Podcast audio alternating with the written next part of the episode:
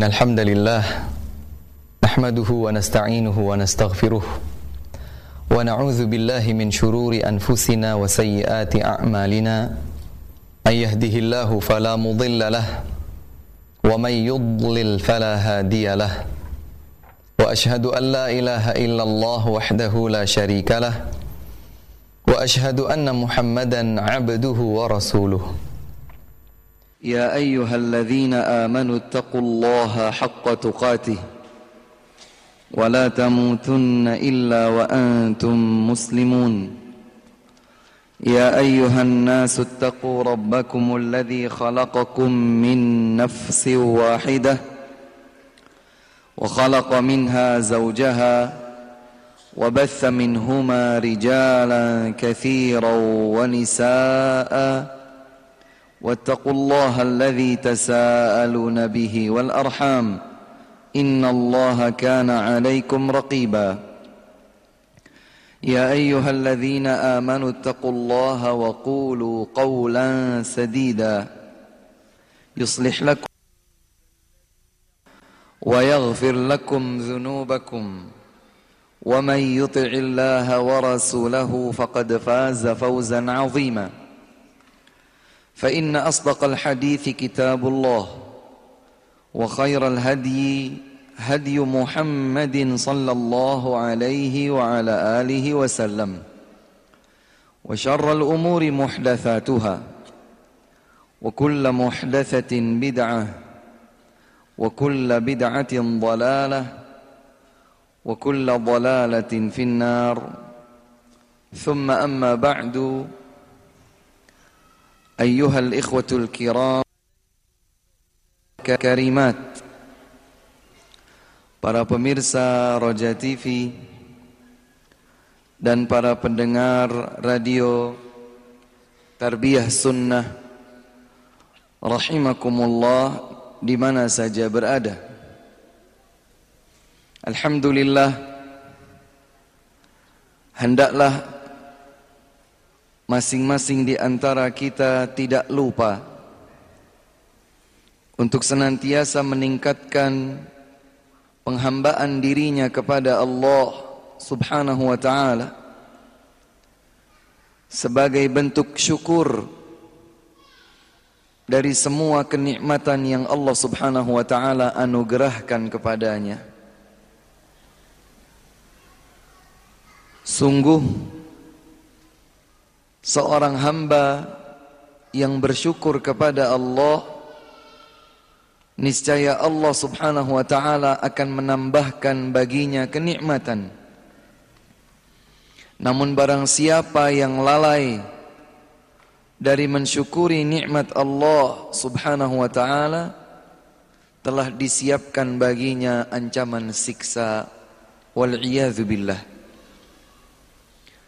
Salawat serta salam semoga tersampaikan kepada Nabi Muhammad sallallahu alaihi wa ala alihi wasallam.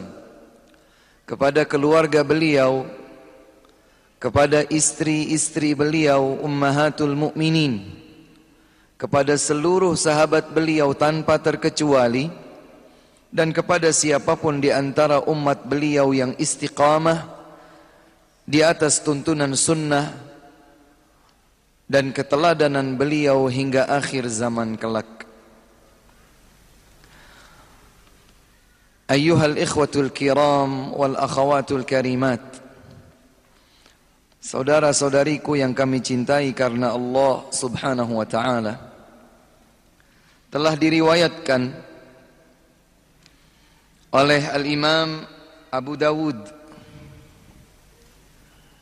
dan juga oleh Al-Imam At-Tabrani dalam Al-Mu'jamul Awsat. Dan juga diriwayatkan oleh Al-Imam Al-Baihaqi dalam kitab As-Sunan yang sampai jalan sanadnya kepada Abu Madinah Ad-Darimi radhiyallahu taala anhu wa rahimahullah. Beliau menyampaikan bahwa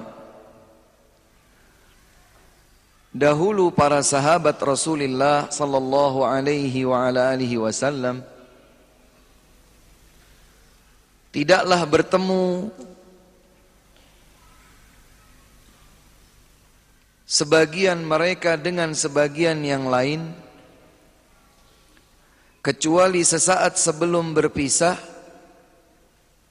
mereka membacakan surat Al-Asr kemudian menyampaikan salam dan barulah mereka berpisah. Al-Syeikh Muhammad Nasiruddin Al-Albani rahimahullahu taala memberikan catatan setelah menjelaskan jalur periwayatan athar ini kata beliau ada dua hal yang menjadi pelajaran berharga pada riwayat tersebut. Yang pertama adalah terdapat anjuran mengucapkan salam sebelum berpisah dari pertemuan bersama seorang muslim.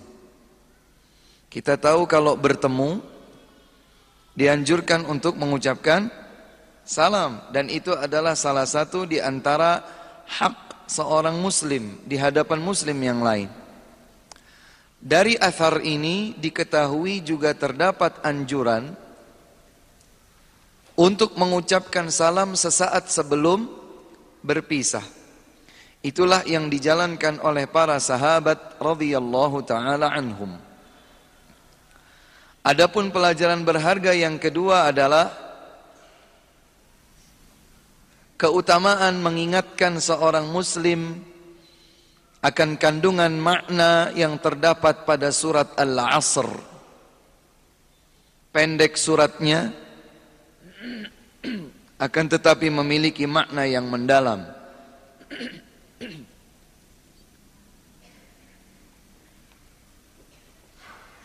Allah Subhanahu wa taala berfirman menyatakan A'udzu billahi minasy syaithanir rajim Bismillahirrahmanirrahim. Wal 'asr. Demi masa. Innal insana lafi khusr. Sesungguhnya manusia berada dalam ancaman kerugian. Illal ladzina amanu wa 'amilus salihat wa tawasaw bil haqq wa tawasaw bis sabr.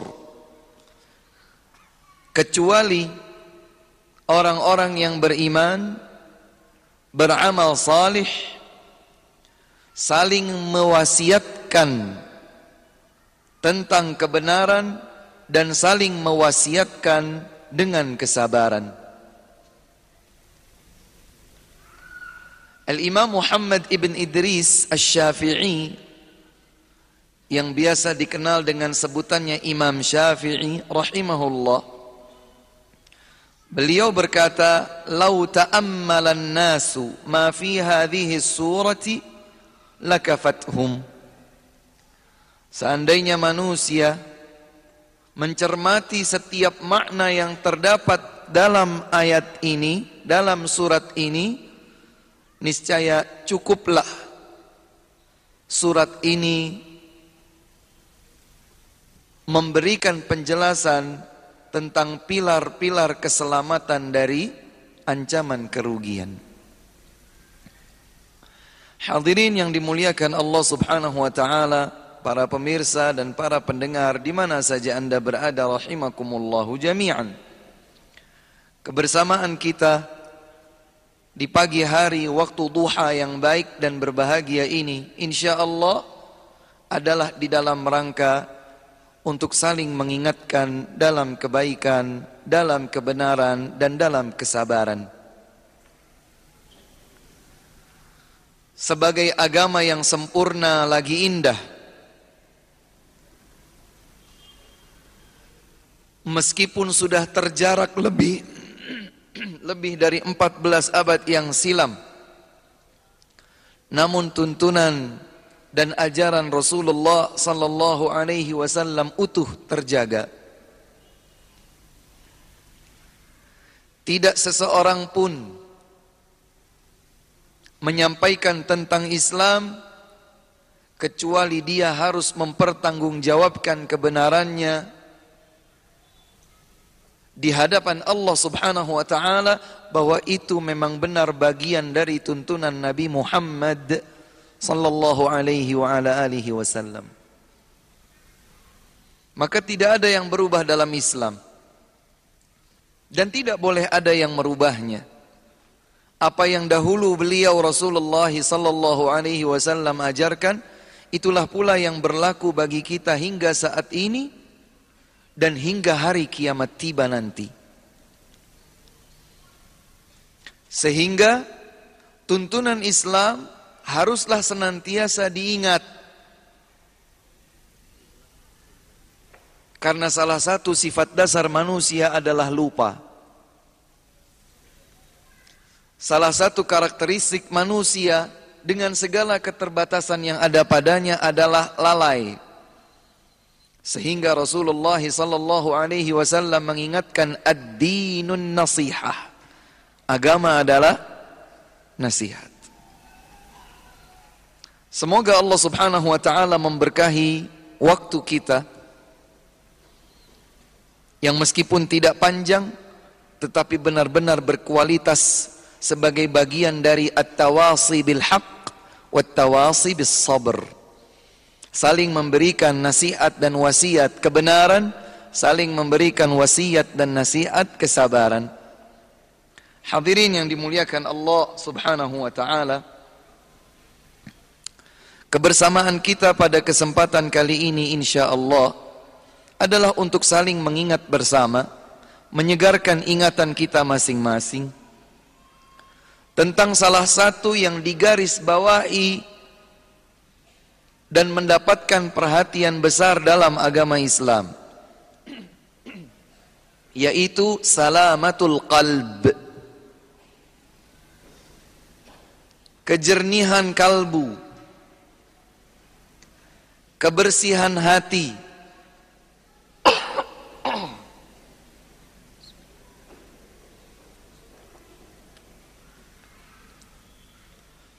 Dalam begitu banyak ayat pada Al-Quran dan dalam begitu banyak hadis yang telah disabdakan, kita akan dapat menyimpulkan satu pelajaran besar bahwa di dalam kehidupan dunia ini di antara yang diuji adalah al-qalb, kalbu. Dan disadari atau belum, ternyata kalbu kita ini beraktivitas layaknya aktivitas mata, layaknya aktivitas telinga, layaknya aktivitas lisan, layaknya aktivitas tangan dan kaki, dan begitu seterusnya. Ternyata kalbu yang ada di dalam diri kita ini juga beraktivitas. Ada cinta, ada benci, ada berharap, ada takut, ada bergantung, ada percaya, ada meyakini, ada ragu, dan seterusnya.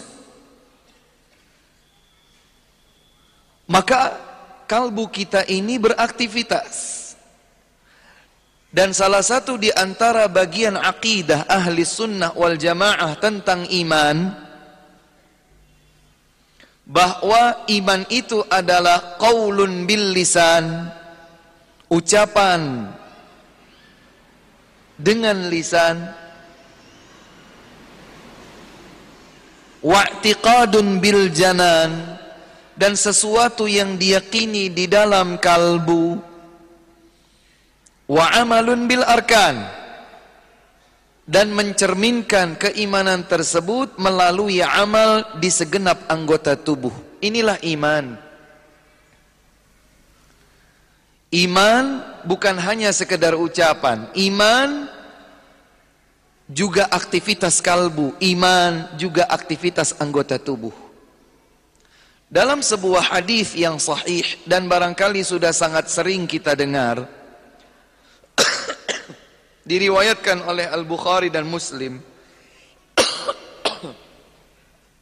Dari sahabat mulia Abu Abdullah An-Nu'man ibn Bashir radhiyallahu anhuma. Hadis ini juga disebutkan dalam kitab Al-Arba'in An-Nawawiyah. Salah satu keistimewaan hadis-hadis yang disebutkan oleh Imam An-Nawawi dalam kitab Al-Arba'in An-Nawawiyah adalah yang disebutkan pada muqaddimah kitab ini oleh Imam Nawawi rahimahullah sendiri beliau berkomitmen bahwa hadis-hadis yang ada pada kitab Al-Arba'in An-Nawawiyah adalah hadis-hadis yang sahih dan memiliki peranan utama dalam memahami pilar-pilar agama. Beliau sebutkan min qawaididdin. Hadis-hadis yang beliau sebutkan adalah hadis-hadis yang berkaitan dengan kaidah agama. Berarti hadis-hadis yang prinsipil. Ternyata di antaranya adalah hadis ini Hadis yang diawali dengan sabda Nabi sallallahu alaihi wasallam, "Innal halala bayyinun wa innal harama bayyinun wa bainahuma umurun mushtabihat." Separuh hadis yang pertama tidak sedang menjadi konsentrasi kajian kita, tapi bagian akhir dari hadis ini yang menjadi konsentrasinya. Beliau Nabi Muhammad sallallahu alaihi wasallam bersabda, ala wa inna fil jasadi mudghah. Idza salahat salahal jasadu kulluh. Wa idza fasadat fasadal jasadu kulluh. Ala wahiyal qalbu. Ketahuilah bahwa di dalam tubuh manusia ini terdapat satu gumpalan yang apabila gumpalan itu baik salih maka akan menjadi salihlah seluruh anggota tubuhnya yang lain. Sebaliknya bila mana gumpalan tersebut rusak, maka akan menjadi rusaklah segenap anggota tubuhnya. Ala wahiyal qalb. Ketahuilah bahwa gumpalan tersebut adalah kalbu.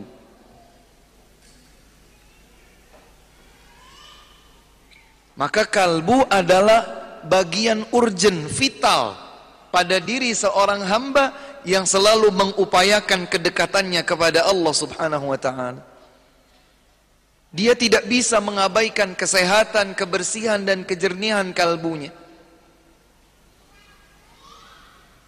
Yang membedakan antara seorang mukmin dan yang bukan mukmin adalah kalau seorang yang bukan mukmin dia begitu hebat memperhatikan kesehatan jasmaninya. Dia tidak peduli bahkan cenderung mengabaikan kesehatan rauhaninya yang bermuara pada iman dan tuntunan agama. Maka seorang mukmin memperhatikan kesehatan jasmani dan lebih daripada itu dia pun memperhatikan kesehatan, kejernihan, kebersihan rauhaninya. Qalb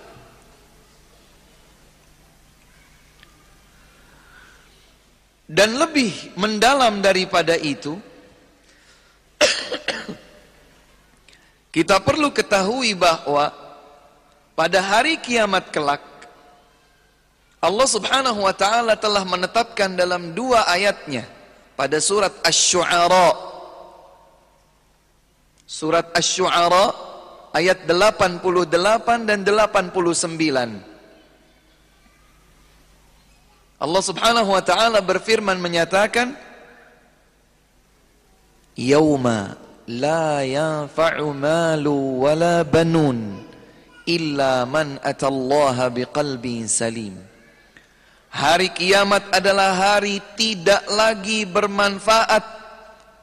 Harta benda dan anak keturunan tidak bermanfaat. Allah tegaskan la yanfa' tidak bermanfaat illa man atallaha biqalbin salim. Kecuali yang menjumpai Allah datang menemui Allah Subhanahu wa taala di hari kiamat biqalbin salim. Dengan kalbu yang salim. Dengan kalbu yang selamat. Dengan kalbu yang sehat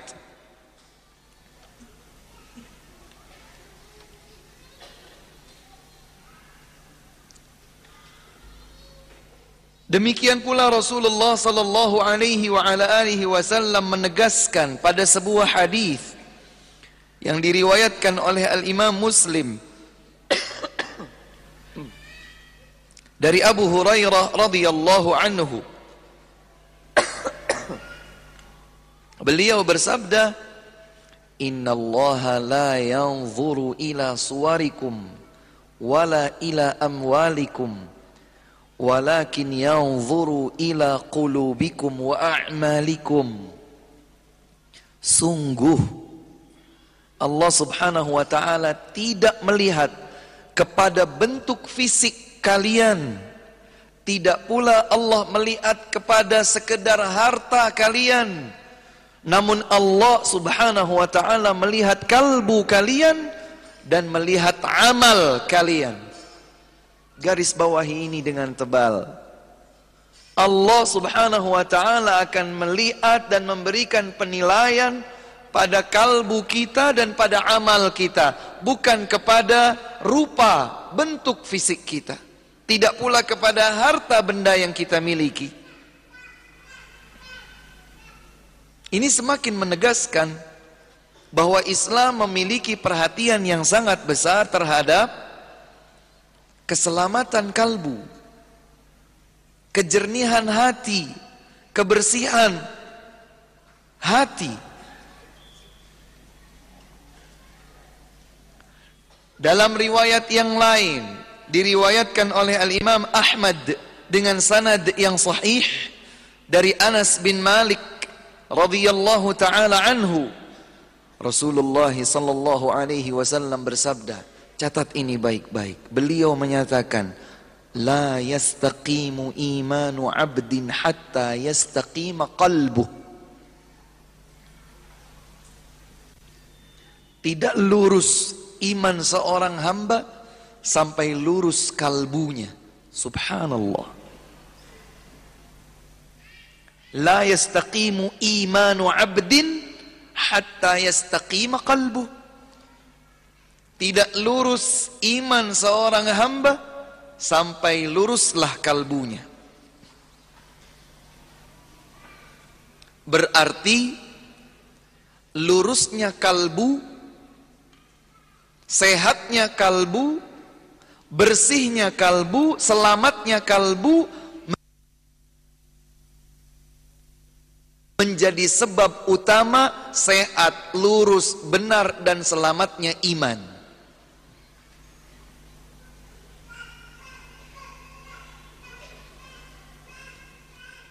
Dia menjadi muara lurus dan selamatnya iman.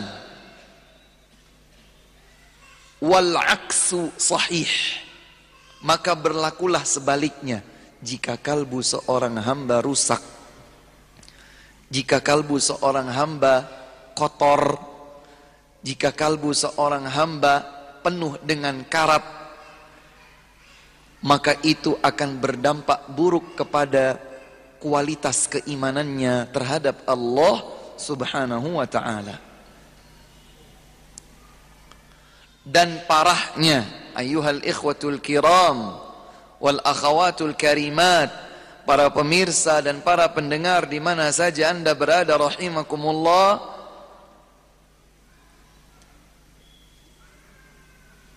bahwa kalbu memiliki pengaruh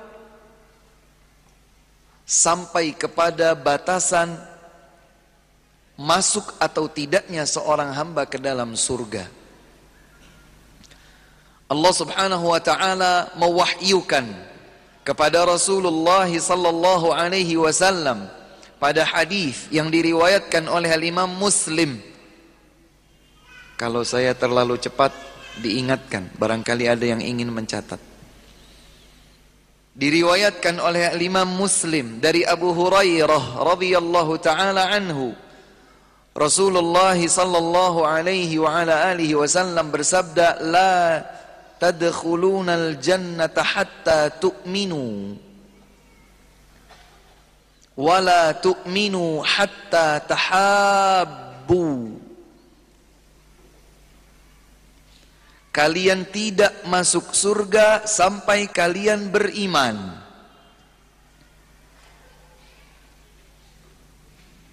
Iman itu tempatnya di mana? Iman itu tercermin pada tiga komponen seperti tadi disebutkan. Di lisan, di kalbu, dan di segenap anggota tubuh. Muara awalnya ada di kalbu. Karenanya para ulama ahli sunnah wal jamaah mendefinisikan iman dari sisi bahasa, etimologi adalah at-tasdiq. Percaya. Percaya itu tempatnya di mana? Di kalbu. Rasulullah sallallahu alaihi wasallam menyatakan la tadkhulunal jannata hatta tu'minu. Kalian tidak masuk surga sampai kalian beriman. Specifically yang akan kita kaji lebih dalam pada kesempatan kali ini juga adalah bahwa salah satu di antara yang dapat menjaga stabilitas keimanan adalah mencintai karena Allah Subhanahu wa taala. Membenci karena Allah Subhanahu wa taala. Tidak bermain-main dengan kalbu, dia bilang cinta padahal benci. Dia bilang bilang benci padahal cinta. Salah satu di antara pilar keutuhan persaudaraan kaum muslimin adalah al-hubbu fillah wal bughdu fillah. Cinta karena Allah, benci pun karena Allah. Bukan cinta yang tendensinya adalah pribadi. Bukan benci yang awalnya adalah perbedaan pendapat Tetapi al-hubbu fillah wal bughdu fillah. Cinta karena Allah di jalan Allah, benci juga karena Allah di jalan Allah.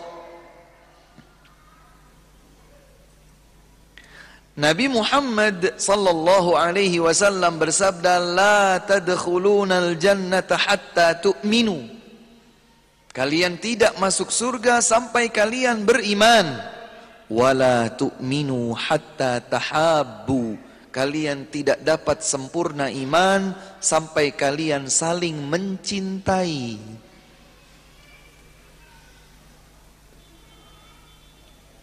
jadi kalau kita tidak atau belum saling mencintai ada yang masih perlu diperbaiki pada iman kita kalau kita biarkan ini bisa beresiko tidak diperkenankan masuk ke dalam surga. Kita akan terhalang masuk surga kalau ada problem pada keimanan. Dan keimanan kita masih akan terus memiliki problem selama kita belum bisa dapat saling mencintai karena Allah Subhanahu wa taala di jalan Allah Subhanahu wa taala bahkan kemudian Rasulullah sallallahu alaihi wasallam memberikan salah satu di antara sekian banyak cara untuk menjadikan seorang muslim dengan muslim yang lain saling mencintai. Beliau bersabda masih dalam hadis ini diriwayatkan oleh Imam Muslim dari Abu Hurairah awala adullukum ala syai'in idza fa'altumuhu tahabbtum afshus salama bainakum maukah kalian aku tunjukkan kata Nabi maukah kalian aku tunjukkan sesuatu yang jika kalian lakukan kalian akan saling mencintai sebarkanlah salam di antara kalian. Jadi awalnya salam saling disebarkan dari sikap saling menyampaikan salam akan berubah menjadi cinta. Saling mencintai. Dari saling mencintai akan terwujud iman. Dan iman itulah yang akan menghantarkan kita masuk ke dalam surga Allah Subhanahu wa taala. Hadirin yang dimuliakan Allah Subhanahu wa taala di antara kenikmatan Allah buat kita adalah nikmatul ukhuwah wal mahabbati fillah. Nikmat persaudaraan dan dapat saling mencintai karena Allah.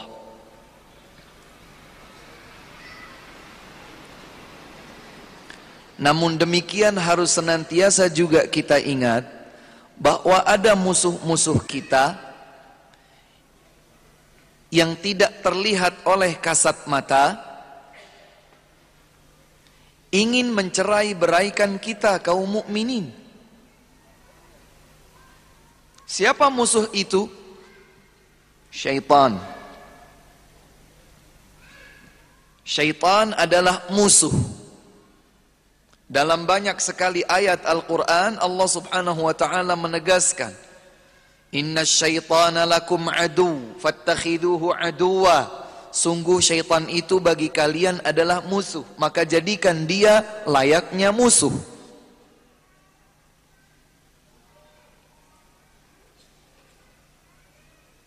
Dalam sebuah hadis yang diriwayatkan oleh Al-Imam Muslim dari Jabir bin Abdullah radhiyallahu taala anhuma Rasulullah sallallahu alaihi wasallam bersabda inna syaitana qad ya'isa. Pada riwayat yang lain qad ayisa. An ya'budahu al-musalluna fi jaziratil arab walakin fit tahrishi bainahum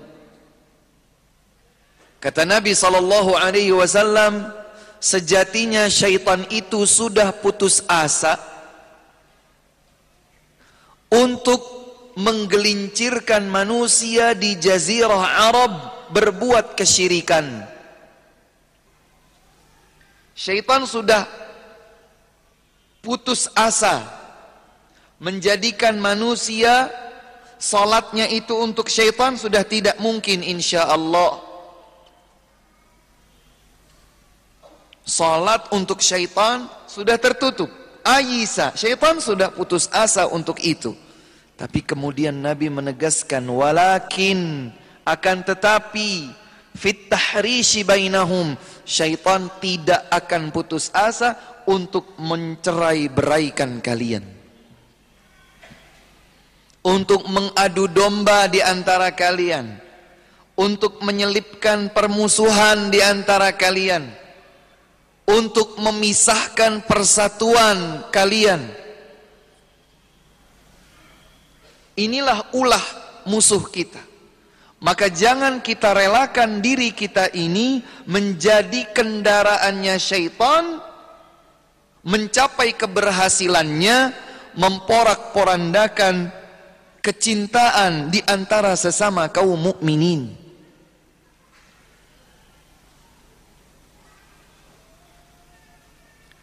Dan ini harus senantiasa kita ingat.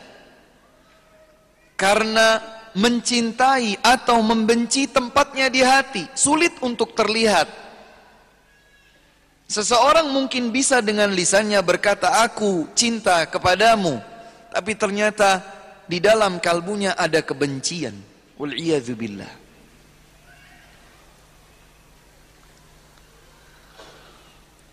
Banyak sekali dalil yang mengingatkan kepada kita tentang kedudukan tinggi mencintai saudara kita sesama mukmin.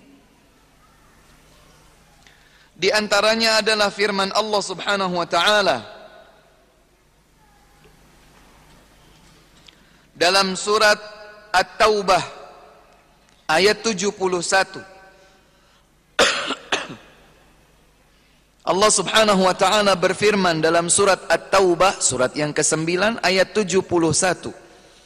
Pada ayat tersebut Allah Subhanahu wa taala menyatakan a'udzu billahi minasyaitonir rajim. Al-mu'minuna wal mu'minatu ba'dhum awliya'u ba'din Kaum mukminin dan kaum mukminat sebagian mereka bagi sebagian yang lain saling mencintai, saling mengasihi, saling memberikan pembelaan dan perlindungan.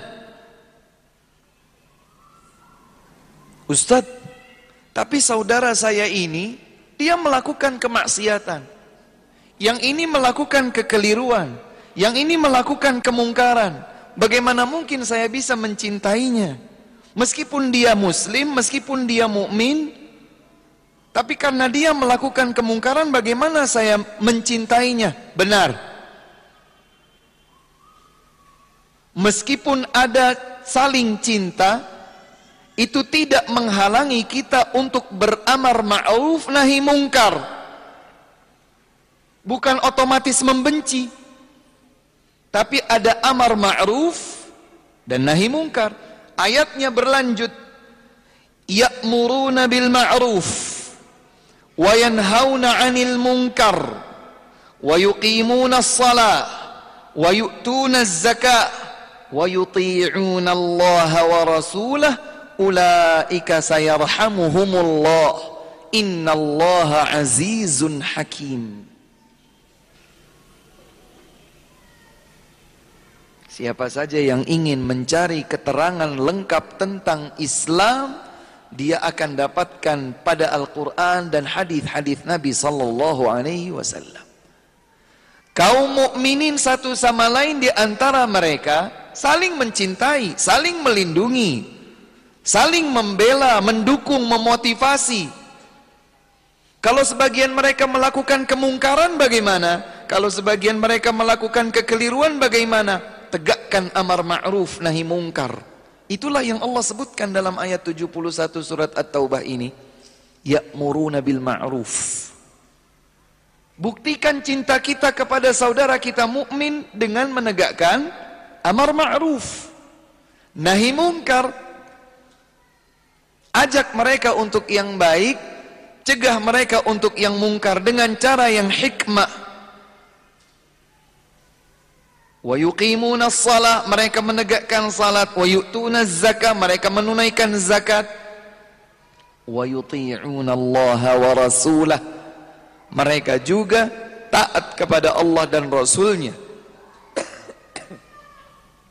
Ulaika sayarhamuhumullah. Mereka itulah yang akan mendapatkan kasih sayang dari Allah subhanahu wa ta'ala Maka hadirin yang dimuliakan Allah subhanahu wa ta'ala. Demi Allah, tidak ada yang lebih benar daripada firman Allah. Tidak ada yang lebih baik daripada tuntunan Nabi Muhammad sallallahu alaihi wasallam. Untuk bisa menyempurnakan iman, untuk bisa sampai ke dalam surga, jaga, bersihkan, pelihara kesehatan dan keselamatan kalbu kita salah satu di antaranya adalah dalam perihal mencintai saudara kita yang mukmin.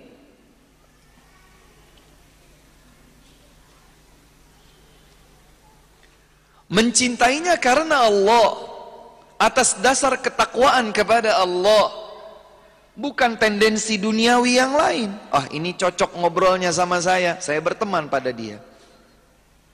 Kalau yang ini seusia kita, kalau yang itu ah, masih kecil. Saya cocok sama yang seusia. Hanya karena itu dia saling mencintai. Saling mencintai karena Allah didasari di atas takwa kepada Allah Subhanahu wa taala. Itulah firman Allah Subhanahu wa taala pada surat Az-Zukhruf Surat Az-Zukhruf Surat yang ke-43 Pada ayat 67 Allah subhanahu wa ta'ala berfirman menyatakan Al-Akhilla Surat Az-Zukhruf Surat ke-43 Ayat 67 Allah subhanahu wa ta'ala berfirman Al-Akhillau Ba'duhum li ba'din aduwwun illal muttaqin orang-orang yang saling mencintai yauma idzin nanti pada hari kiamat ba'duhum li ba'din sebagian mereka terhadap sebagian yang lain adu akan menjadi musuh Allahu Akbar. Di dunianya saling mencintai.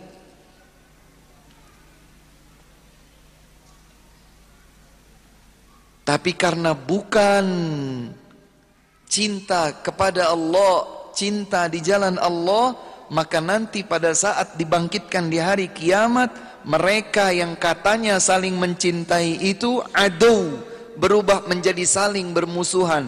Illal muttaqin. Kecuali hamba-hamba yang bertakwa.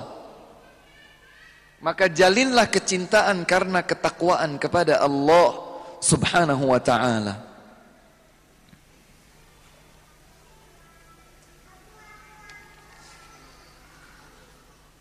Di dalam hadis diriwayatkan oleh Al-Bukhari dan Muslim dari sahabat Anas bin Malik radhiyallahu anhu Rasulullah sallallahu alaihi wasallam bersabda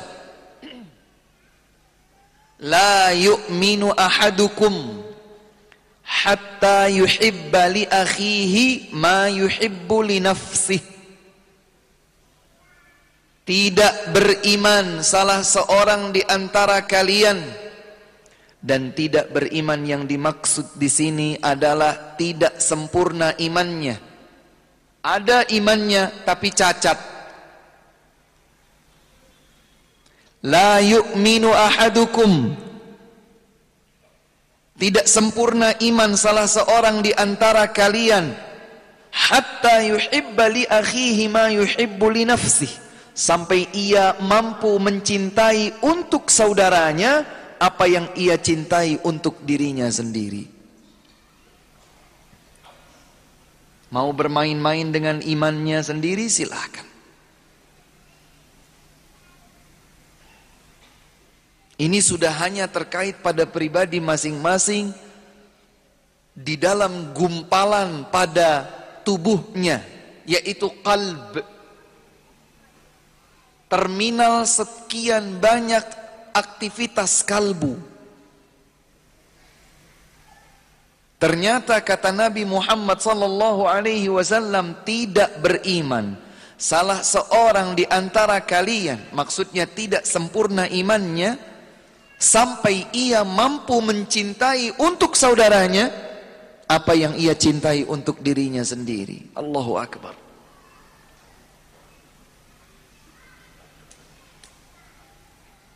Tidak ada egois.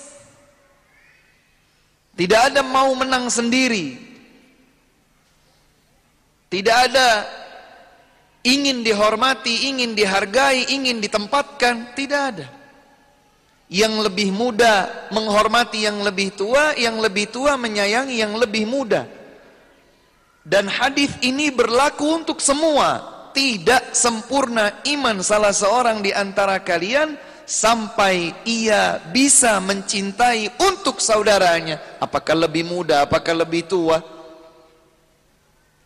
lebih senior lebih junior dia mampu mencintai untuk saudaranya itu apa yang ia cintai untuk dirinya sendiri belum mampu berarti ada yang kurang pada imannya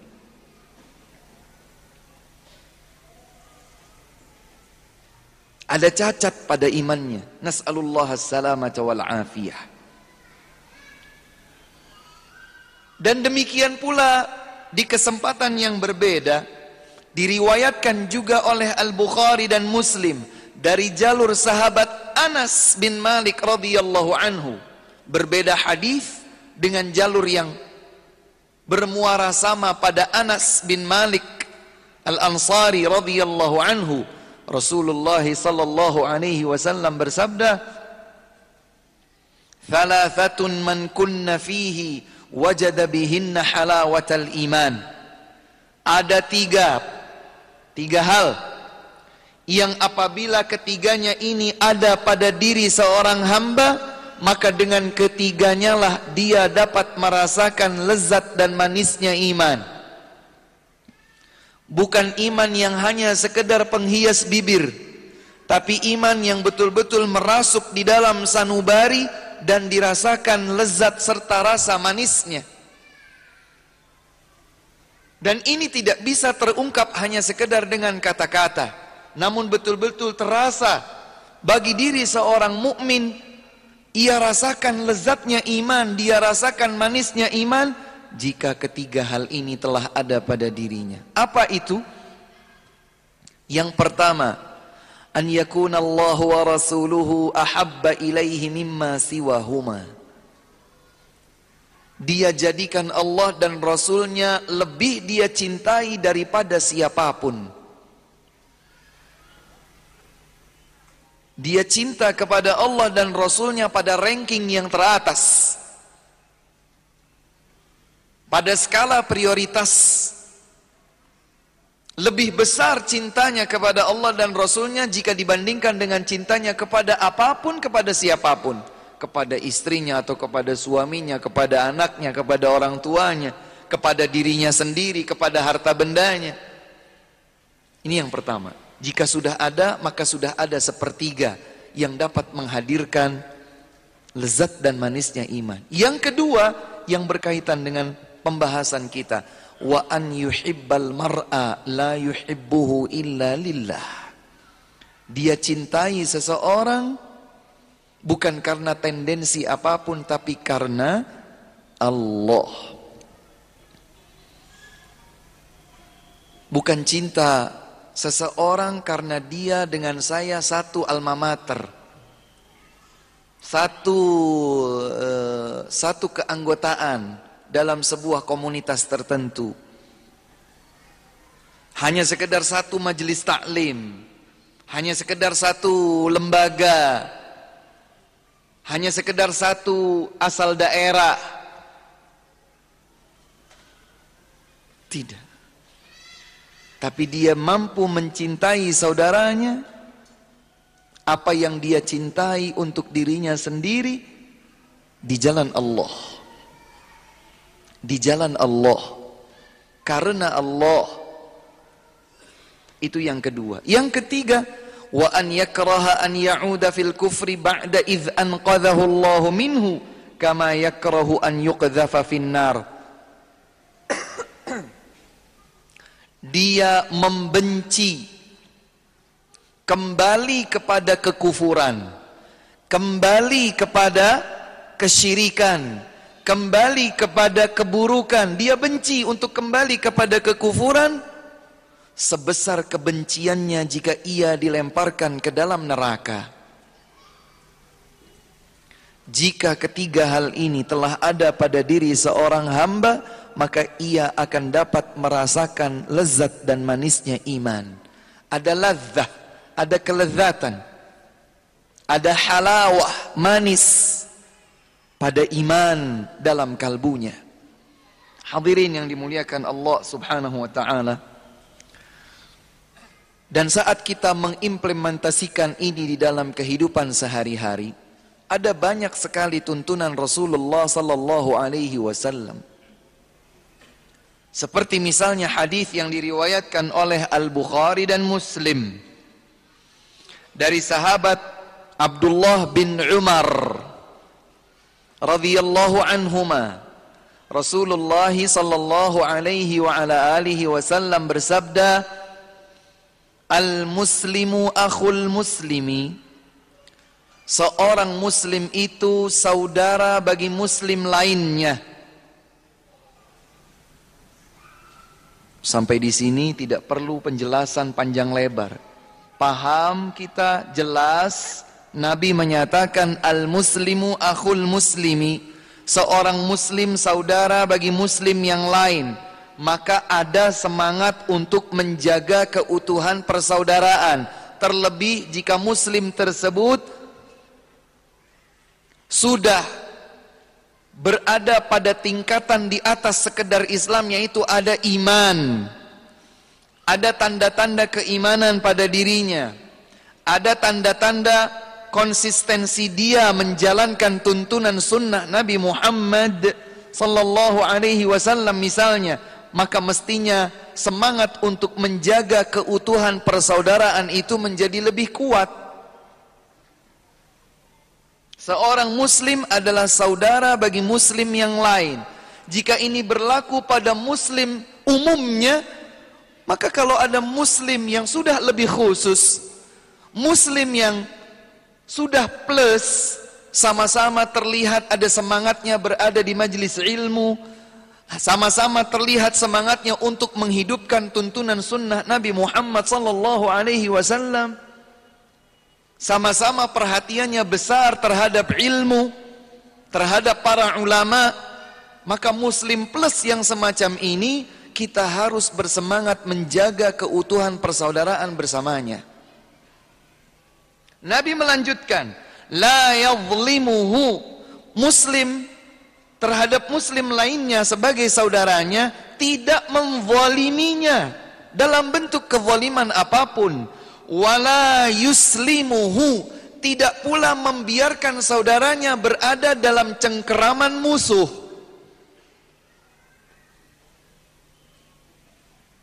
muslim muslim Kebetulan saya tidak sependapat dengannya. Kebetulan saya tidak suka sebagian dari perangainya. Kemudian saya ketahui, saya melihat, saya mendengar informasi saudara saya itu diganggu oleh seorang musuh. Saya diam, ini tidak boleh. Nabi menyatakan wala yuslimuhu karena dia adalah saudara saya, saya adalah saudaranya, saya tidak boleh memvoliminya sebagaimana dia tidak boleh memvolimi saya, saya tidak boleh membiarkannya dalam cengkeraman musuh sebagaimana pula dia tidak boleh membiarkan saya dalam keadaan buruk atau cengkeraman musuh. Allahu akbar keadaan buruk atau cengkeraman musuh. Allahu Akbar.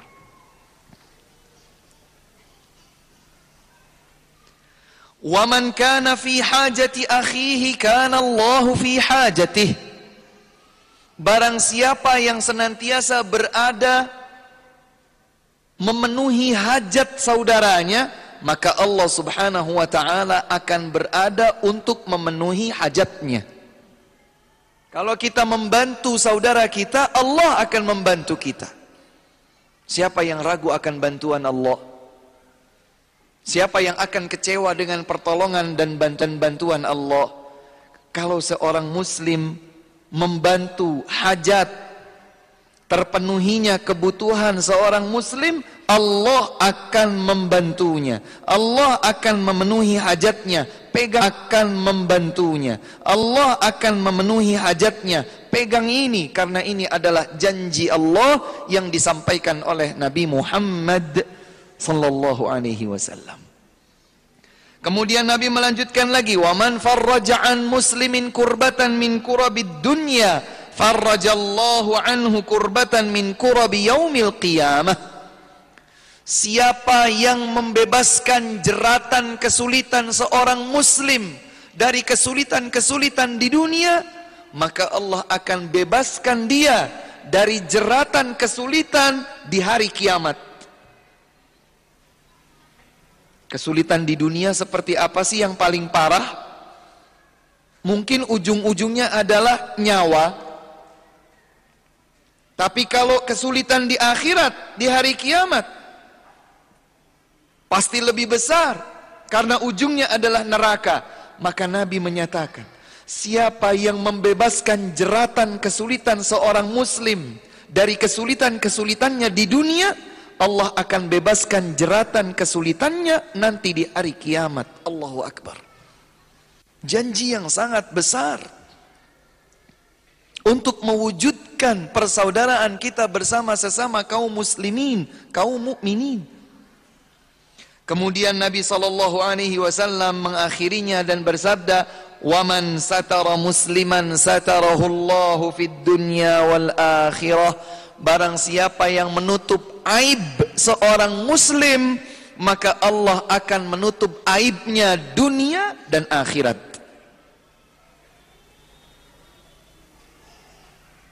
Meskipun catatannya adalah menutupi aib seorang muslim bukan berarti kita tidak menegakkan amar ma'ruf nahi mungkar. Saya melihat saudara saya melakukan dosa, maksiat, kekeliruan, maka saya tegakkan amar ma'ruf nahi mungkar, kemudian saya tutup aibnya, saya tidak menceritakannya kepada yang lain. Bukan saya melihat saudara saya melakukan kemaksiatan, kemungkaran, saya tidak tegakkan amar ma'ruf nahi mungkar, kemudian saya berkata saya akan tutup aibnya. Kemungkaran ini akan terus berjalan. Menutup aib saudara kita tidak menghalangi kita dari tetap menegakkan amar ma'ruf nahi mungkar. Dalam riwayat yang lain, riwayat Imam Muslim Nabi Muhammad sallallahu alaihi wasallam menyatakan la tahasadu. Allahu akbar. Jangan kalian saling iri dengki. Dalam bahasa Arab hasadayah sudu itu dengki. Wazannya fa'ala. Ketika ada tambahan ta dan hamz alif tahasadu atau tahasada artinya dengki yang terjadi dari kedua belah pihak. Maka makna yang lebih tepat untuk diartikan pada hadis riwayat Muslim dari Abu Hurairah ini adalah la tahasadu jangan kalian saling iri dengki jangan. Wala tabaghadu jangan kalian saling benci jangan. Wala tanajashu. Jangan kalian saling bertransaksi jual beli najash.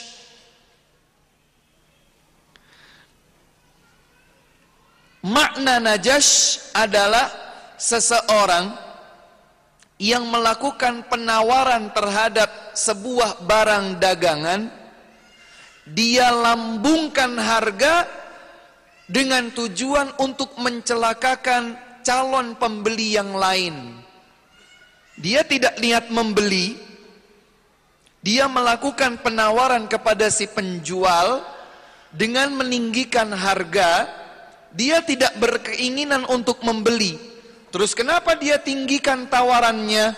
Untuk memberatkan calon pembeli yang lain, saudaranya. Nabi melarang, jangan. Ini semua dalam rangka apa? Dalam rangka menjaga keutuhan cinta sesama kaum mukminin.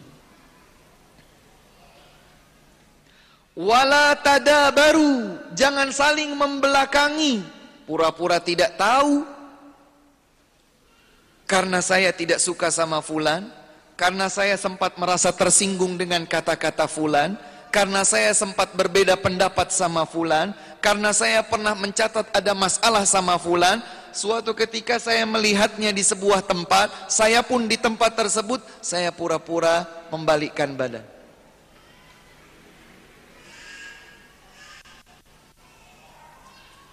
Nabi menyatakan jangan wala baru. Ada empat larangan di sini.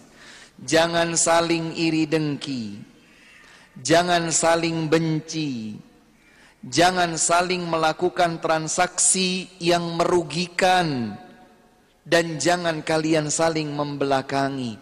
Kemudian pesan Nabi ditegaskan, "Wa kunu ibadallahi ikhwana" dan jadilah kalian saudara-saudara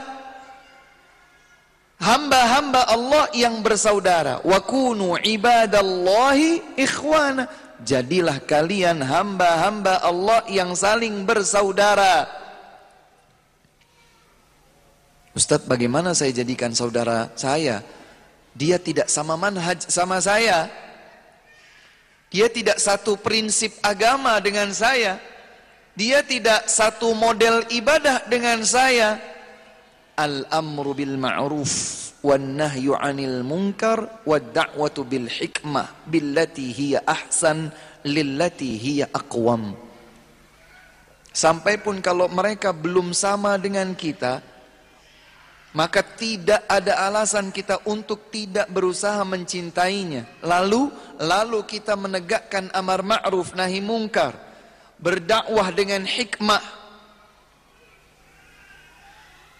sampaikan agama ini, sampaikan kebenaran ini bil hikmah dengan cara yang hikmah, billati hiya ahsan dengan cara yang terbaik lillati hiya aqwam untuk yang lebih lurus. Dia menerima alhamdulillah, dia tidak menerima kita bersabar.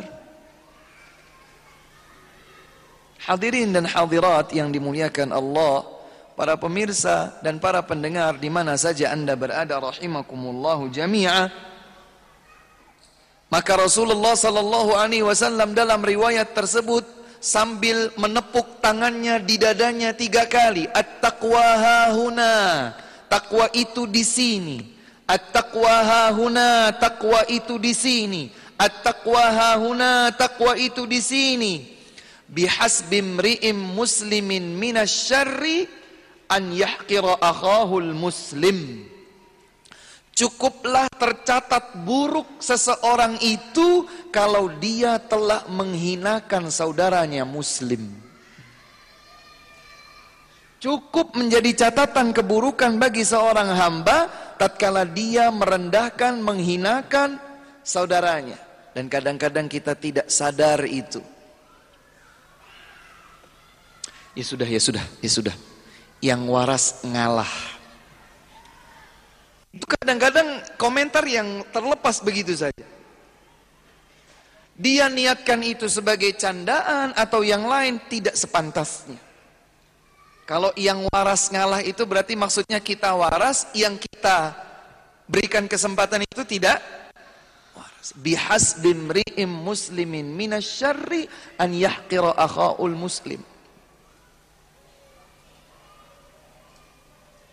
Atau sudahlah, biarlah, kasih kesempatan biar dia orang tua.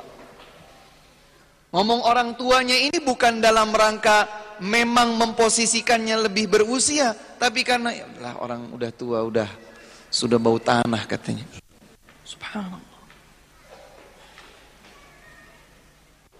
Atau sebaliknya, sudah sudah sudah, berilah, beri kesempatan. Malum masih anak muda, anak muda gitulah, masih tapi bentuknya adalah tahqir. Hindari itu. Hindari itu. Cukuplah tercatat bagi seorang hamba sebagai sebuah kejelekan manakala ia menghina saudaranya. Kemudian Rasulullah sallallahu alaihi wasallam menegaskan kullul muslimi 'alal muslimi haram damuhu wa maluhu wa irduhu. Setiap muslim di hadapan muslim yang lain terjaga darahnya, hartanya dan kehormatannya. Darahnya tidak boleh ditumpahkan. Hartanya tidak boleh dirampas. Kehormatannya tidak boleh dilukai atau dicaci maki. Hadirin yang dimuliakan Allah Subhanahu wa taala dalam sebuah hadis yang panjang Kalau tidak salah tentang syafaat. Hadis yang panjang di bagian dari hadis panjang itu Rasulullah sallallahu alaihi wasallam bersabda, "Faman ahabba an yuzahzaha 'anil nar wa yudkhalal jannah falta'tihi mani." Hendaklah ia dijemput oleh ajal dalam keadaan beriman kepada Allah dan hari akhir serta memperlakukan manusia dengan apa yang dia suka diperlakukan dengannya. Tidak mau dicubit, jangan mencubit. Tidak mau dizalimi, jangan menzalimi. Mau dihormati, maka menghormati dan begitu seterusnya. Apa yang dia suka diperlakukan oleh orang lain terhadap dirinya, maka ia pun memperlakukan itu kepada orang lain. Di sebuah kesempatan Nabi sallallahu alaihi wasallam pernah ditanya, "Ya Rasulullah, ayyun nasi afdal?" Wahai Rasulullah, manusia seperti apa yang paling baik? Kita sering dengar hadis yang diawali dengan konteks pertanyaan serupa ini dan jawaban Rasulullah sallallahu alaihi wasallam berbeda-beda.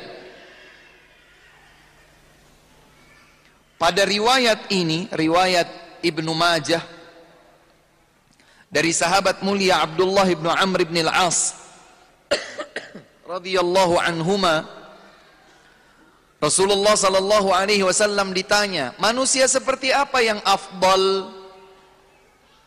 Beliau menjawab, kullu makhmumil qalbi saduqil lisan. Setiap orang yang makhmulul qalbi dan berlisan jujur. Kemudian para sahabat berkata, "Wahai Rasulullah, lisan yang jujur kami paham. Apa itu makna makhmulul qalbi, makhmumul qalbi?" Apa itu makhmum al-qalbi wahai Rasulullah? Jadi orang yang paling baik adalah yang lisannya terjaga makhmulul qalbi. Para sahabat bertanya makhmulul qalbi itu apa? Nabi menjawab, "Huwa at-taqiyyun naqiyyul ladzi la ithma lahu wala baghya wala ghilla wala hasad." Yaitu orang yang bertakwa dan kalbunya bersih. Dia tidak menyimpan kezaliman, dia tidak memendam kebencian, dia tidak menyimpan kedengkian. Orang yang bertakwa, yang hatinya bersih. Dia tidak menyimpan kebencian, dia tidak menyimpan kezaliman, dan dia tidak menyimpan kedengkian. Orang seperti inilah yang paling baik di hadapan Allah Subhanahu wa taala dan di hadapan Rasulullah sallallahu alaihi wasallam tentunya. Apalagi Nabi bersabda la yajtami'ani fi qalbi 'abdin al-iman wal hasad. Tidak akan pernah berkumpul dua hal ini pada kalbu seorang mukmin, iman dan dengki. Beriman dia tidak akan menyimpan kedengkian. Kalau di satu waktu bersamaan terjadi maka ada sesuatu yang bohong pada pada kalbunya. Entah imannya atau dia berbohong sebetulnya punya dengki tapi dia bilang tidak. Sebetulnya dia benci tapi dia bilang cinta. Seorang muslim itu sadukul lisan lisannya jujur dan kalbunya bersih. Seperti tidak mungkin bersatunya air dengan minyak dengan konsep apa pun disatukan pasti akan terpisah sendiri. Minyaknya menjadi minyak, airnya tetaplah air. Demikianlah Rasulullah sallallahu alaihi wasallam menyatakan tidak akan dua hal bergabung dalam kalbu seorang mukmin yaitu iman dan kedengkian hasad. Dia mengakui iman misalnya, ternyata dia hasad, maka imannya bermasalah. Atau dia bilang saya tidak hasad, padahal sebetulnya adalah hasad dengki.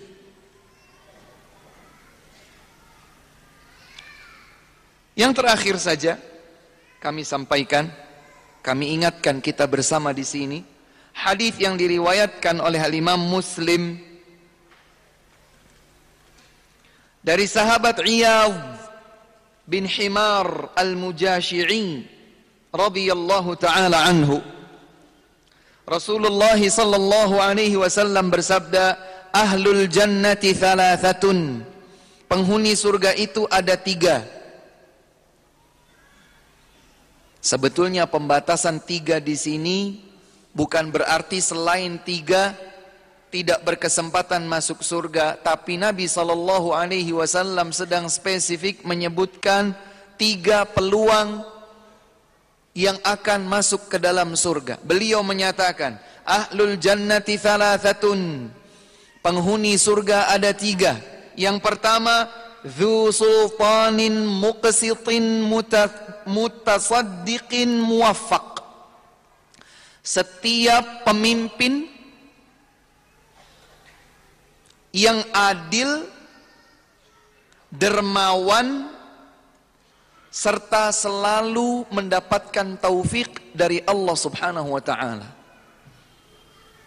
Jadi langsung ada kriteria, tiga kriteria. Seorang pemimpin tapi dia adil, dia dermawan, tidak pelit, dan dia selalu mendapatkan taufik dari Allah Subhanahu wa taala. Ini masuk surga. Yang kedua, yang berhubungan dengan pembahasan kita. Warajulun rahimun raqiqul qalbi likulli dhi qurba wa muslim. Seseorang yang penyayang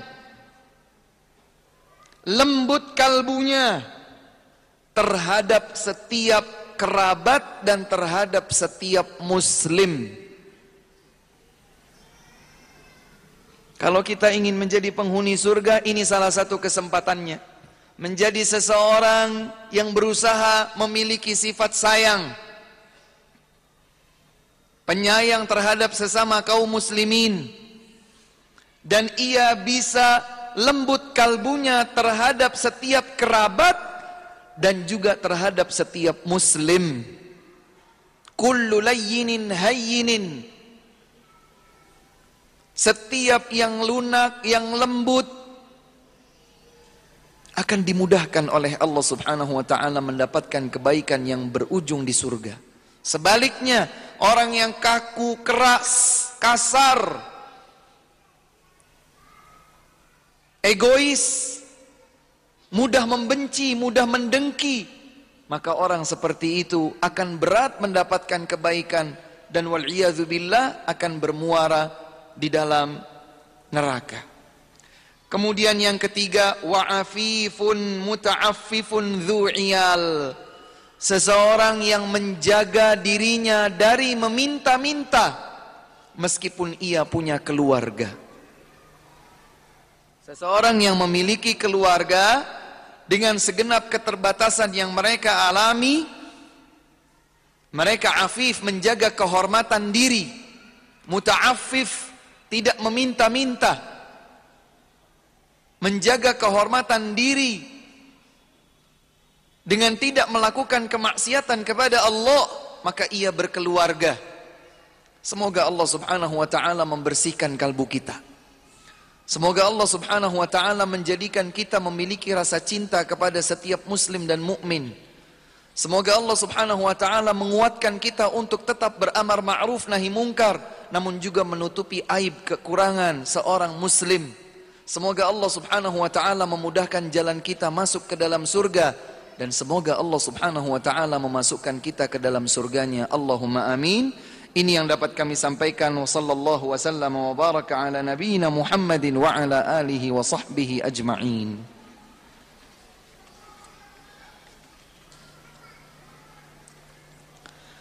Apakah kalbu itu berupa fisik ataukah sesuatu yang gaib?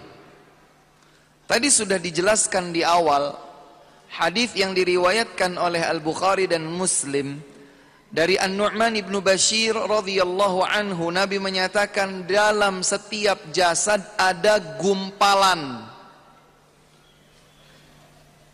Kalau gumpalan itu sehat baik Yang pertama berdoa.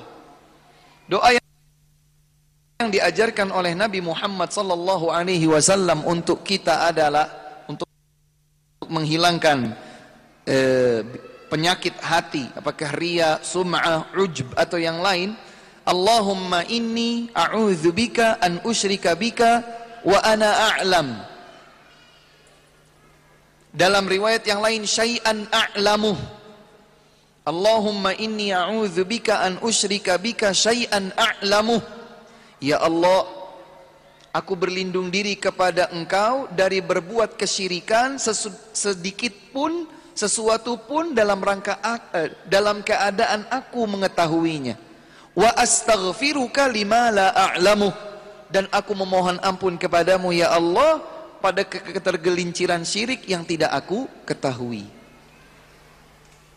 Kemudian Selain itu kita beristi'adzah, ucapkan a'udzubillahi minasyaitonir rajim karena bisikan ria dan semisalnya adalah bisikan syaitan. Kemudian yang dapat kita lakukan juga adalah zikrul maut. Kalau sudah mulai terbisikkan ria atau penyakit hati yang lain, maka ingatlah kematian. Pada saat kita melakukan ibadah tersebut, jangan-jangan itu adalah yang terakhir. Setelah itu saya mati. Bagaimana kalau saya jadikan amal ini untuk selain Allah? Sekedar untuk dapat sanjungan, sekedar untuk mendapatkan popularitas, sekedar untuk mendapatkan pujian, sekedar untuk tendensi kepentingan duniawi. Jangan. Karena kalau boleh jadi itu adalah amal yang terakhir kita dalam keadaan berbuat kesyirikan kepada Allah Subhanahu wa taala. Zikrul maut, ingat kematian. Kemudian juga mengingat dalil-dalil yang menyebutkan bahwa amal itu tidak diterima kecuali dengan ikhlas. Innallaha la yaqbalu minal amali illa ma kana khalisan liwajhi. Sesungguhnya Allah Subhanahu wa taala tidak menerima amal apa pun kecuali yang dilakukan ikhlas untuk mengharapkan pahala Allah Subhanahu wa taala. Wallahu a'lam. Bagaimana cara menjelaskan kepada istri untuk meminta izin menikah lagi?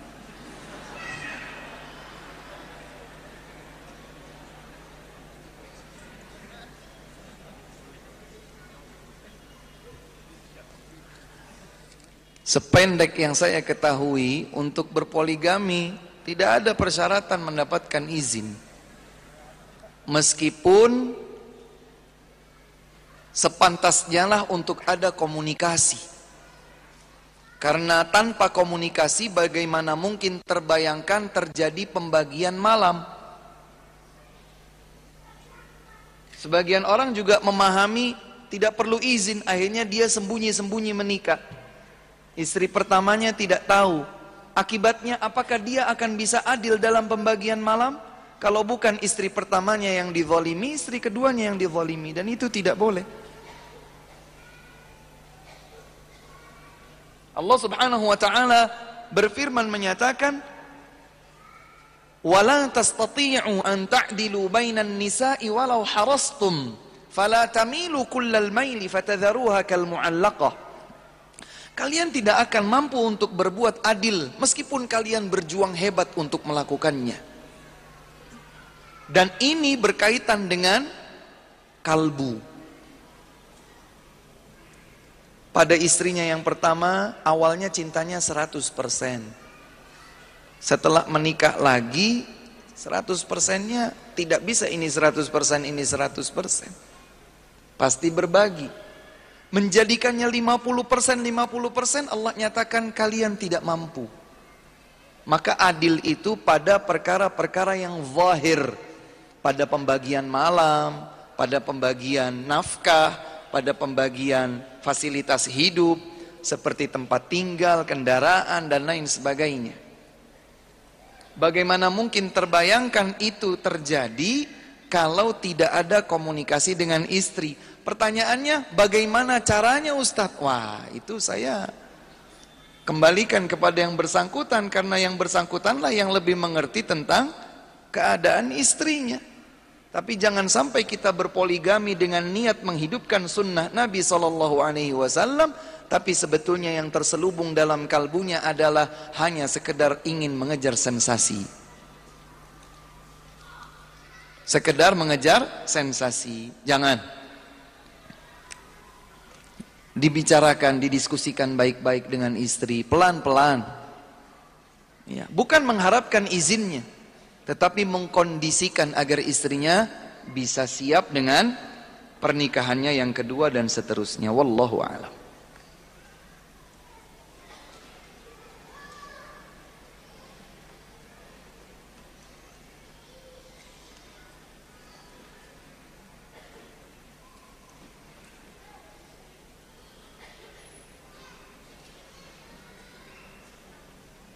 Bagaimana caranya supaya kita menerima ikhlas, menerima eh, menjaga ikhlas Bagaimana caranya menerima ketetapan Allah Subhanahu wa taala? Ini yang pertama. Ini beriman terhadap takdir. Bagaimana caranya menerima ketetapan Allah? Tidak perlu pakai cara. Terima saja. Menerima tapi memang ada tahapannya. Beriman bahwa Allah Subhanahu wa taala Maha mengetahui segala sesuatu secara umum dan terperinci. Beriman percaya bahwa Allah Subhanahu wa taala menuliskan segala ketetapannya yang bersifat umum dan terperinci. Beriman bahwa Allah Subhanahu wa taala menghendaki semua yang terjadi, apakah yang baik ataukah yang buruk, menurut perhitungan manusia. Itu kan tidak baik kok terjadi. Allah Subhanahu wa taala memiliki hikmah yang dalam pada setiap penciptaannya.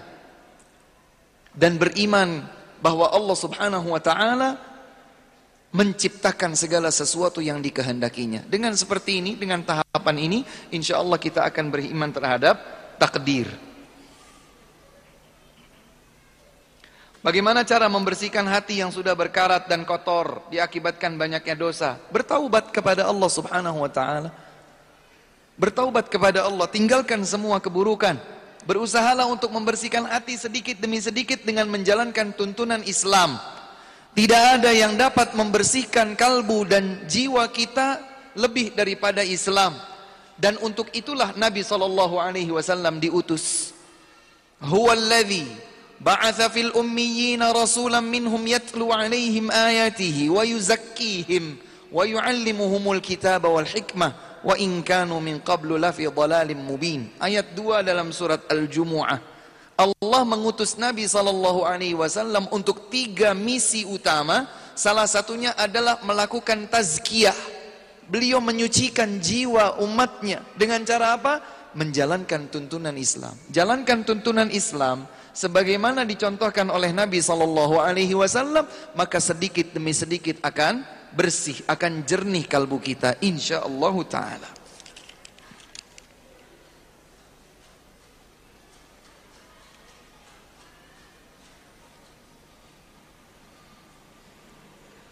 Bolehkah kita mengajak atau merayu orang lain bekerja pada kita dengan iming-iming gaji yang lebih besar, tapi orang tersebut sudah bekerja atau terikat kerja dengan orang lain? Jangan ya. Kalau sudah terikat kerja dengan orang lain, jangan. Karena ia tentu saja terikat dengan berbagai persyaratan. Kecuali kalau bentuknya adalah kontrak yang berbatas waktu, maka ketika batas waktu kontraknya itu habis, silahkan ya, bersepakat. Atau kalau tidak terikat, seseorang bekerja tapi tidak terikat, kapan dia mau keluar dia bebas, tidak terikat. Maka yang demikian ini tidak masalah. Tapi kalau terikat, sudah terikat, tidak boleh kita melepaskan ikatan tersebut. Wallahu taala alam.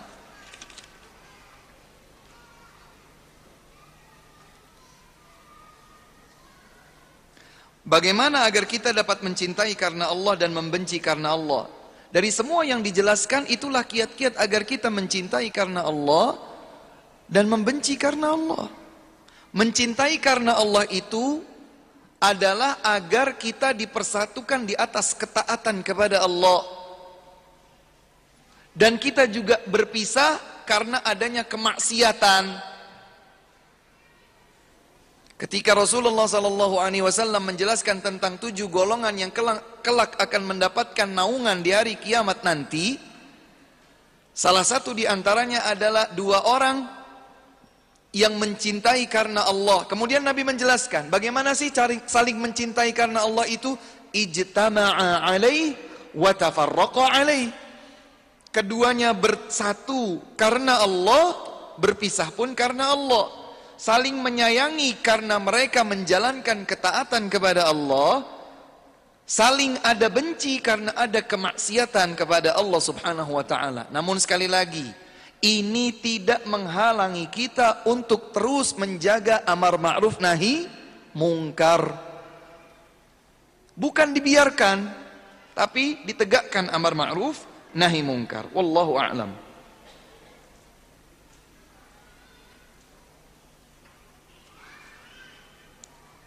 Apakah mengingatkan, mengajak dan menasehati teman untuk salat termasuk amar ma'ruf? Benar, termasuk amar ma'ruf. Tetapi harus dilakukan dengan cara hikmah. Dilakukan dengan cara hikmah. Allah Subhanahu wa taala berfirman, "Ud'u ila sabili rabbika bil hikmah." Ajaklah manusia menuju jalan Allah Subhanahu wa taala dengan cara yang hikmah. Dilakukan dengan cara yang baik, pada waktu yang baik, mempertimbangkan segala maslahat agar tercapai pula yang terbaik. Wallahu a'lam. Bagaimana caranya agar kita kuat saat digoda syaitan? agar tidak melakukan maksiat di saat sendiri. Ingat kematian. Ingat kematian. Ini kalau saya sendirian bermaksiat, saya mati. Ternyata mati dalam keadaan akhirnya diketahui oleh orang lain matinya dalam keadaan bermaksiat. Wal'iyadzubillah. Allah subhanahu wa ta'ala akan memperlihatkan keburukannya di hadapan banyak orang. Maka ingatlah kematian. Maka Rasulullah sallallahu alaihi wasallam bersabda, "Aktsiru dzikra hadhi min ladzat." Perbanyaklah oleh kalian mengingat kematian yang dapat memutus semua kenikmatan. Dengan mengingat kematian insya Allah kita akan mengurungkan perbuatan-perbuatan buruk. Nas'alullah assalamu wal afiyah.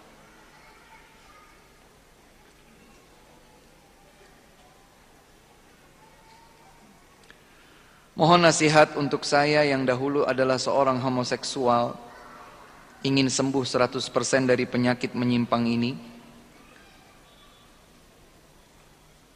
Semakin hari semakin banyak godaan dan bagaimana caranya agar saya teguh dan istiqamah. Kalau dia belum menikah, segera menikah. Menikah dengan lawan jenis tentunya. Kalau dia belum menikah, maka menikah. Kemudian sempurnakan taubat agar menjadi nasuha. Apa itu? Yang pertama adalah sesali perbuatan dosa tersebut.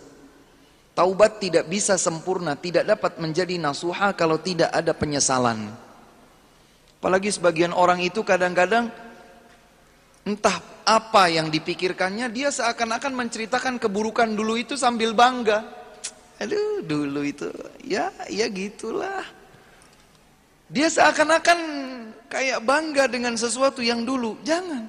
Harusnya sesuatu yang dulu yang jelek kita ingat kembali membuat kita bersedih karena kita menyesal. Saya itu kok bodoh sekali dulu melakukan itu. Bukan dibangga-banggakan. Kamu sekarang sudah berapa botol minum khamer? 10. Wah, dulu saya 100. Kenapa harus disebutkan dengan konteks kebanggaan? Jangan. Jadi yang pertama adalah sesali. Yang kedua, tinggalkan keseluruhan. Bukan menyisakan 2%, 10%. Tinggalkan keseluruhan. Ini syarat taubat yang nasuha. Kemudian yang ketiga, al-azmu ala adamil audah. Membulatkan tekad untuk tidak kembali lagi. Bulatkan tekad untuk tidak kembali lagi. Kalau ini taubat, maka kemudian iringi dengan istighfar, memohon ampunan Allah Subhanahu wa taala. Jadi kalau belum menikah, menikahlah. Sempurnakan taubatnya dengan tiga hal tadi. Menyesali, meninggalkan secara keseluruhan, membulatkan tekad untuk tidak mengulangi kembali. Perbanyak istighfar. Kemudian yang keempat, jika dengan keberadaannya tinggal di suatu tempat itu akan mengganggu proses taubat dan istiqomahnya, hendaklah ia berhijrah tempat kalau dia tinggal di komunitas atau di lingkungan yang akan menjeratnya kembali, menyeretnya kembali, maka segera berpindah. Pindahlah ke tempat yang lain. Hal ini sebagaimana disabdakan oleh Nabi sallallahu alaihi wasallam tentang kisah seorang pria yang membunuh 99 jiwa, kemudian ia melengkapi menjadi 100 dan diarahkan oleh seorang alim di zamannya saat itu untuk berhijrah meninggalkan kampung halamannya yang penuh dengan kemaksiatan. Kemudian yang kelima, meruqyah. Orang yang e, terjangkit penyakit semacam itu tidak bisa dipungkiri itu adalah penyakit. Meskipun mungkin bukan fisik gitu ya bukan gatal bukan demam. Ada sesuatu yang bersifat psikis. Ada pada dirinya ruqyah bacakan Al-Qur'an pada dirinya. Berapa banyak? Sebanyak mungkin. Baca Al-Qur'an. Bacakan doa-doa yang diajarkan oleh Nabi Muhammad sallallahu alaihi wasallam dan berdoa agar Allah Subhanahu wa taala menyelamatkannya dari penyakit tersebut.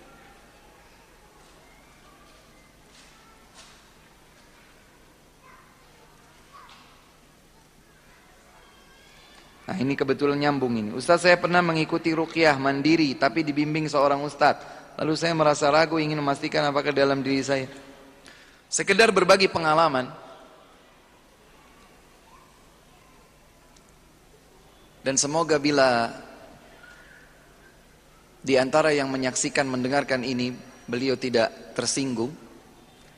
Pengalaman kami masih dalam beberapa waktu belakangan ini belum sampai satu bulan. Kami membimbing seseorang untuk rukyah secara pribadi. Kami tidak merukyahnya, tapi memberikan arahan. Baca surat A. Kemudian apa pun reaksi yang terjadi, kabarkan Ustadz. Nanti Ustadz akan coba pantau. Baik Ustadz. Baca. Ustadz sampai ayat sekian saya merasakan ini. Baca lagi. Ustadz saya mengantuk. Jangan tidur. Berjuang. Supaya tidak tidur. Baca lagi. Terus. Dari mulai membuktikan apakah dia benar-benar ada jinnya atau tidak. Sampai Alhamdulillah banyak keluhan-keluhan yang secara alami keluar yang sebelumnya ada terasa sakit di pergelangan tangan, di perut, di tenggorokan, di mata, di ujung kaki. Berangsur-angsur hilang, tinggal sedikit. Ini menunjukkan bahwa ruqyah itu tidak perlu atau tidak harus, ya, tidak harus dengan diruqyah oleh orang lain. Cukup dia lakukan sendiri. Besarkan keyakinannya kepada Allah berprasangka baik kepada Allah bahwa Allah Subhanahu wa taala mendengar hajat dan kebutuhannya. Dia ingin sembuh dari penyakitnya misalnya, dia minta kepada Allah. Dia rukyah sendiri. Maka yang demikian ini menjadi lebih mujarab wallahu a'lam.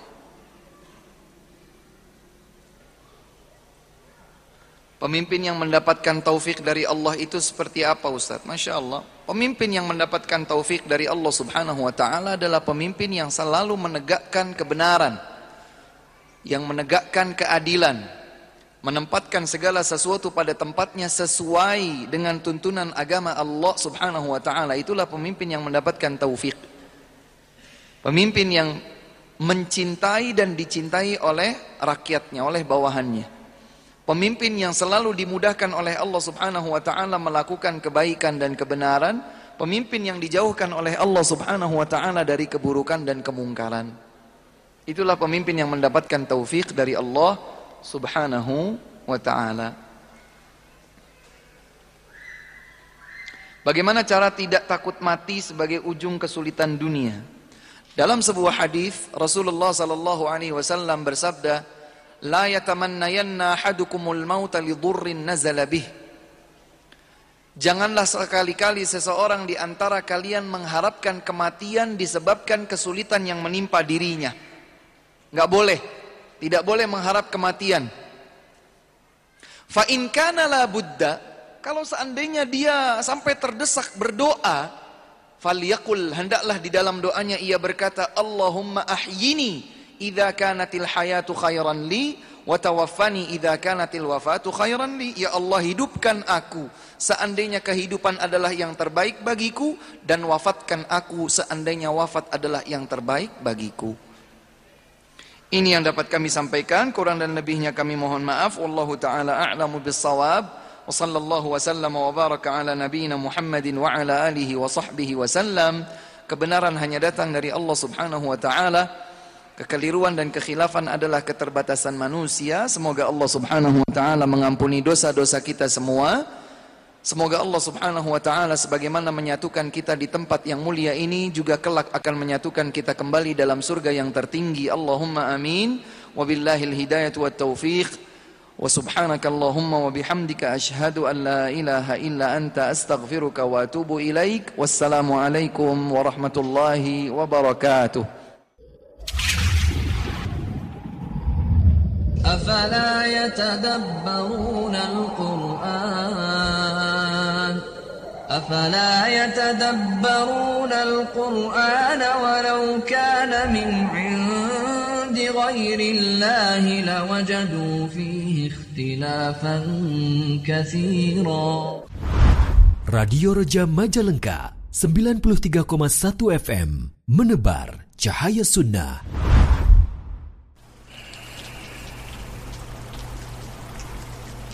Siapa di antara kita yang tidak akan ditimpa oleh kematian? Ia tidak memiliki teman. Jika ia datang, maka berakhirlah segala sesuatu.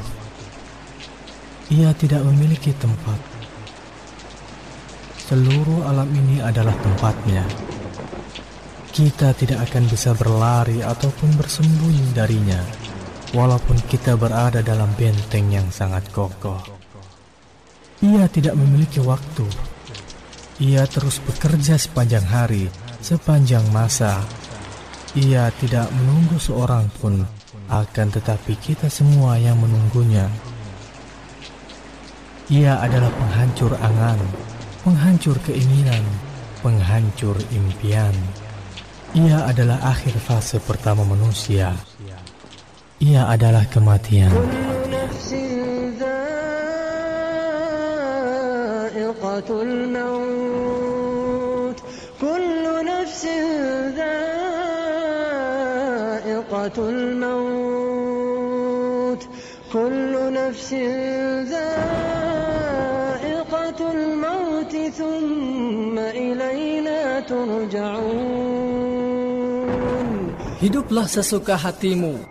tumpahkan dan hamburkan kesenangan demi kesenangan untuk memuaskan nafsumu.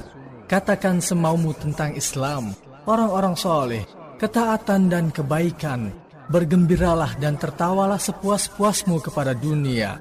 Kelak pada akhirnya, engkau juga akan meregang di tengah sakaratul maut dan entah kapan itu pasti akan menimpamu. Lalu engkau mati.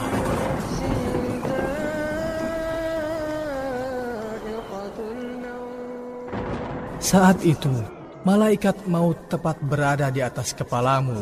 Hatimu bergetar, nyawamu meregang, mulutmu terkunci, anggota badanmu melemas, lehermu berkeringat, matamu terbelalak, pintu taubat sudah tertutup. Orang-orang di sekitarmu menangis, sedangkan kamu sendiri mengerang melawan sakit. Lalu nyawamu diangkat ke langit. Sebelum semua itu terjadi, sebelum semuanya terlambat, selamatkanlah dirimu.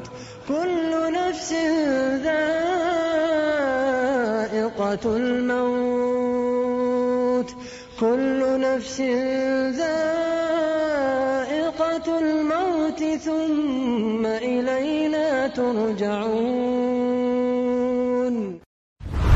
Radio Reja Majalengka 93,1 FM menebar cahaya sunnah. قال الرسول. قال الرسول. صلى الله عليه وسلم.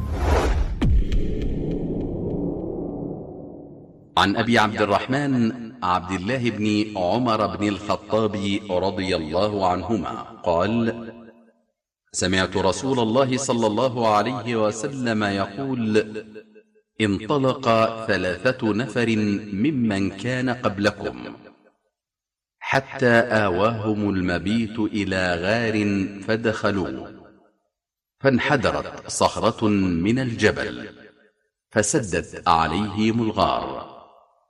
فقالوا إنه لا ينجيكم من هذه الصخرة إلا أن تدعوا الله بصالح أعمالكم. قال رجل منهم اللهم كان لي أبوان شيخان كبيران وكنت لا أغبق قبلهما أهلا ولا مالا فنأى بي طلب الشجر يوما فلم أرح عليهما حتى ناما فحلبت لهما غبوقهما فوجدتهما نائمين. فكرهت أن أوقظهما وأن أغبق قبلهما أهلا أو مالا. فلبثت والقدح على يدي. أنتظر استيقاظهما حتى برق الفجر. والصبية يتضاغون عند قدمي. فاستيقظا فشرب غبوقهما. اللهم إن كنت فعلت ذلك ابتغاء وجهك. ففرج عنا ما نحن فيه من هذه الصخرة. فانفرجت شيئا لا يستطيعون الخروج منه. قال الآخر اللهم إنه كانت لي ابنة عم كانت أحب الناس إلي. وفي رواية كنت أحبها كأشد ما يحب الرجال النساء فأردتها على نفسها.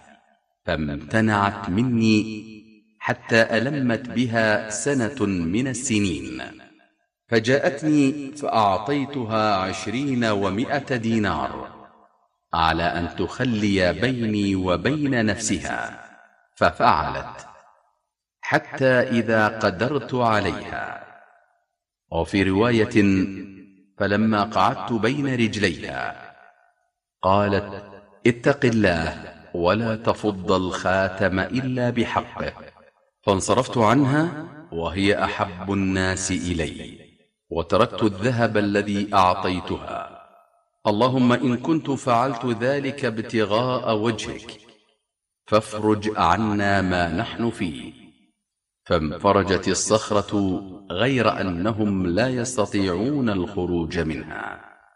وقال الثالث اللهم استأجرت أجراء وأعطيتهم أجرهم غير رجل واحد ترك الذي له وذهب. فثمرت أجره حتى كثرت منه الأموال. فجاءني بعد حين فقال يا عبد الله أدي إلي أجري. فقلت كل ما ترى من أجرك. من الإبل والبقر والغنم والرقيق. فقال يا عبد الله لا تستهزئ بي. فقلت لا أستهزئ بك. فأخذه كله فاستاقه فلم يترك منه شيئا. اللهم إن كنت فعلت ذلك ابتغاء وجهك فافرج عنا ما نحن فيه. فانفرجت الصخرة فخرجوا يمشون متفق عليه Dari Abu Abdurrahman Abdullah bin Umar, semoga Allah meridhoi keduanya. Ia berkata, Aku mendengar Rasulullah Shallallahu Alaihi Wasallam bersabda, ada tiga orang yang hidup sebelum kalian berangkat ke suatu tempat hingga mereka terpaksa harus berlindung di sebuah gua, lalu memasukinya. Tiba-tiba sebuah batu besar runtuh dari arah gunung lantas menutup rongga gua tersebut.